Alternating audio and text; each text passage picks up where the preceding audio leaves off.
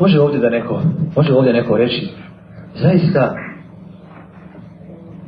sve što Kur'an spominje, istina je i primjetno je i vidljivo je i dokaže se.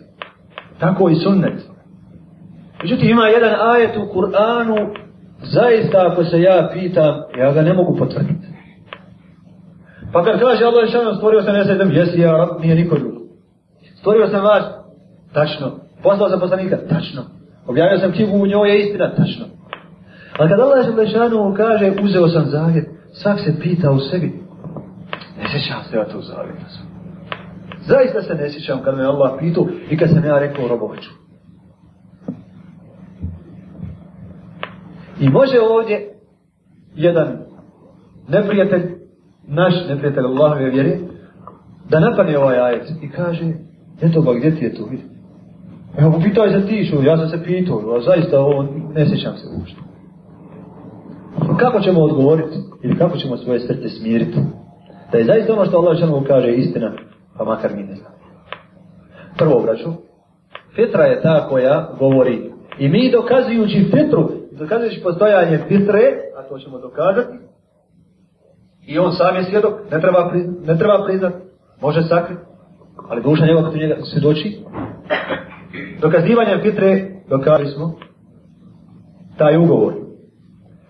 A ako se čovjek ako je čovjek nezadovoljan pa traži i više, onda ćemo kazati Svakako, to je bilo prije nego si ti sazrio i prije nego se ti rodio i prije nego si ti spoznao. Počeo da opažaš, počeo da razmišljaš, razumijevaš i tako a ti si počeo da razmišljaš ovdje na Dunjaluku. I ovdje na Dunjaluku kad si već upisan i nadvjerno ti ime, postao si kao jedinka. Ni tada nisi se sjećao.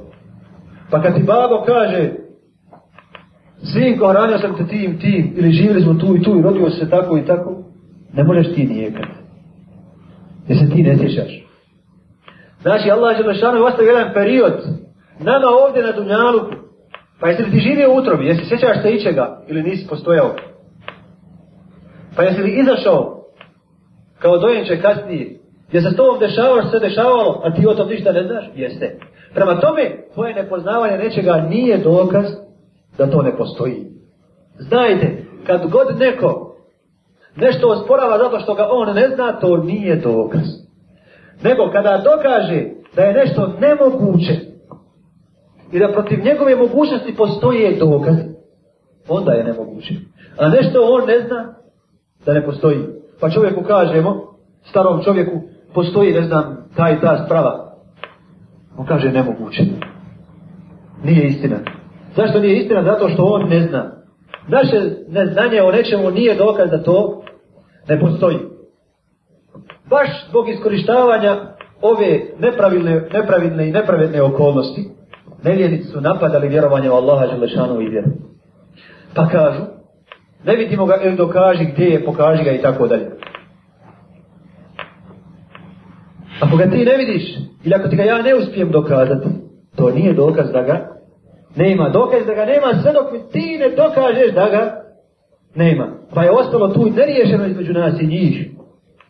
Pa da ga kažem riješeno je u naš prilog, ali da je ostalo neriješeno, ne može to biti dokaz protiv vjere niti dokaz za nevjerovanje.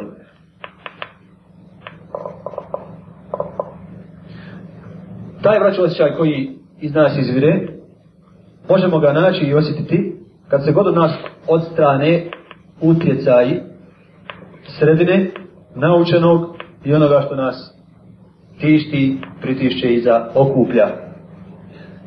Ovo su znači faktori koji potiskivaju vjetrov, koji je zapostavljaju, koji je guše, naprotiv bavljenje drugim, drugim stvarima.